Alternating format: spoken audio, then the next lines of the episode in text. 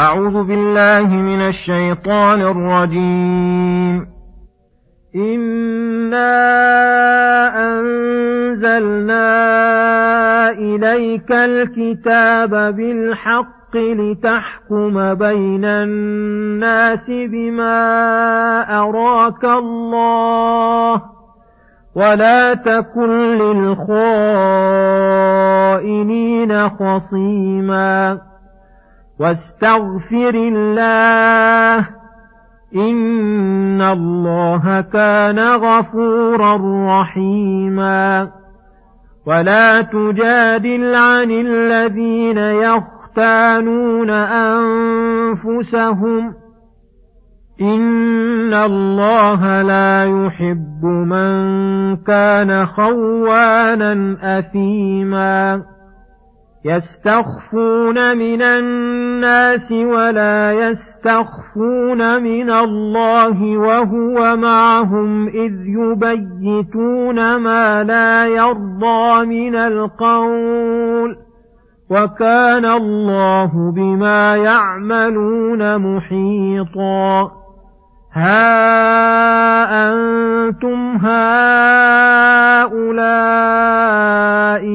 جادلتم عنهم في الحياة الدنيا فمن يجادل الله عنهم يوم القيامة أم من يكون عليهم وكيلا. بسم الله الرحمن الرحيم.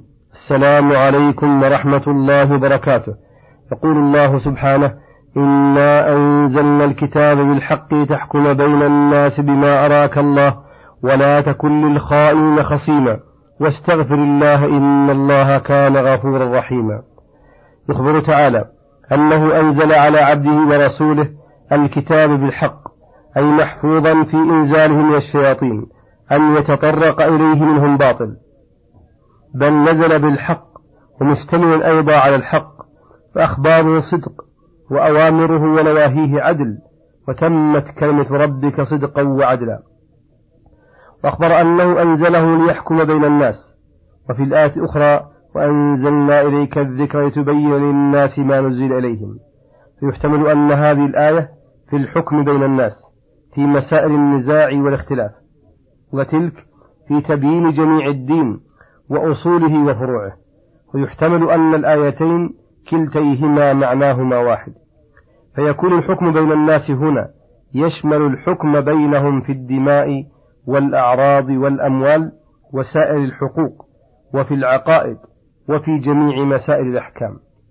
وقوله بما أراك الله أي لا بهواك بل بما علمك الله وألهمك كقوله تعالى وما ينطق عن الهوى إن هو إلا وحي يوحى وفي هذا دليل على عصمته صلى الله عليه وسلم فيما يبلغ عن الله من جميع الأحكام وغيرها وأنه يشترط في الحكم العدل العلم والعدل لقوله بما أراك الله ولم يقل بما رأيت.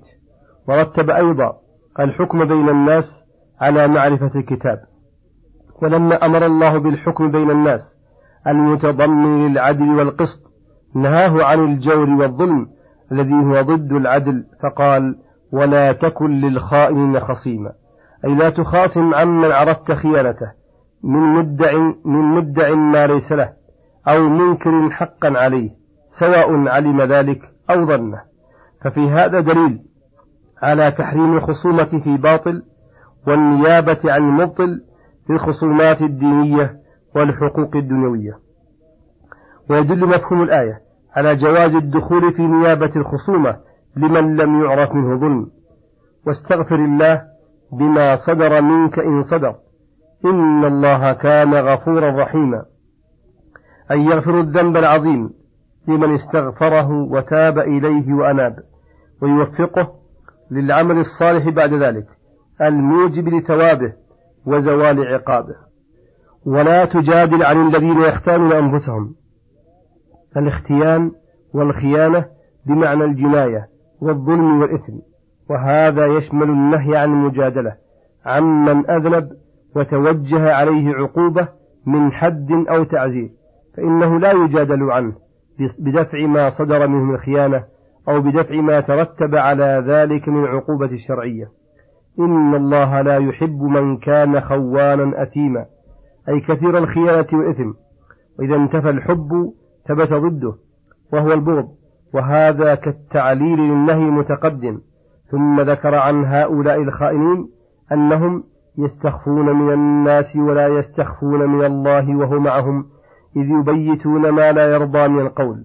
وهذا من ضعف الإيمان ونقصان اليقين أن تكون مخافة الخلق عندهم أعظم من مخافة الله فيحرصون بالطرق المباحة والمحرمة على عدم الفضيحة عند الناس وهم مع ذلك قد بارزوا الله بالعظائم ولم يبالوا بنظره واطلاعه عليهم وهو معهم بالعلم في جميع أحوالهم خصوصا في حال تبييتهم بما تبييتهم ما لا يرضيه من القول من تبرئة الجاني ورمي البريء بالجناية والسعي في ذلك للرسول صلى الله عليه وسلم ليفعل ما بيتوه فقد جمعوا بين عدة جنايات ولم يراقبوا رب الأرض والسماوات.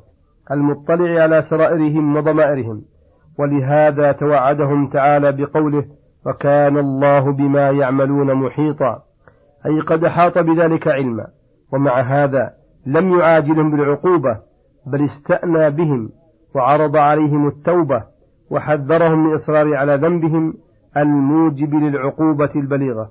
ثم يقول سبحانه ها أنتم هؤلاء جادلتم عنهم في الحياة الدنيا فمن يجادل الله عنهم يوم القيامة أم من يكون عليهم وكيلا. أي هبكم جادلتم عنهم في هذه الحياة الدنيا ودفع عنهم جدالكم بعض ما يحذرون من العار والفضيحة عند الخلق. فماذا يغني عنهم وينفعهم؟ ومن يجادل الله عنهم يوم القيامة حين تتوجه عليهم الحجة وتشهد عليهم ألسنتهم وأيديهم وأرجلهم بما كانوا يعملون؟ يومئذ يوفيهم الله دينهم الحق ويعلمون أن الله هو الحق المبين. فمن يجادل عنهم من يعلم السر وأخفى ومن أقام عليهم الشهود ما لا يمكن معه الإنكار. وفي هذه الآية الإرشاد إلى المقابلة بين ما يتوهم من مصالح الدنيا المترتبة على ترك أوامر الله أو فعل مناهيه وبين ما يفوت من ثواب الآخرة أو يحصل من عقوباتها. فيقول من أمرته نفسه بترك أمر الله ها أنت تركت أمره كسلا وتفريطا فما النفع الذي انتفعت به؟ وماذا فاتك من ثواب الآخرة؟ وماذا ترتب على هذا الترك من الشقاء والحرمان والخيبة والخسران؟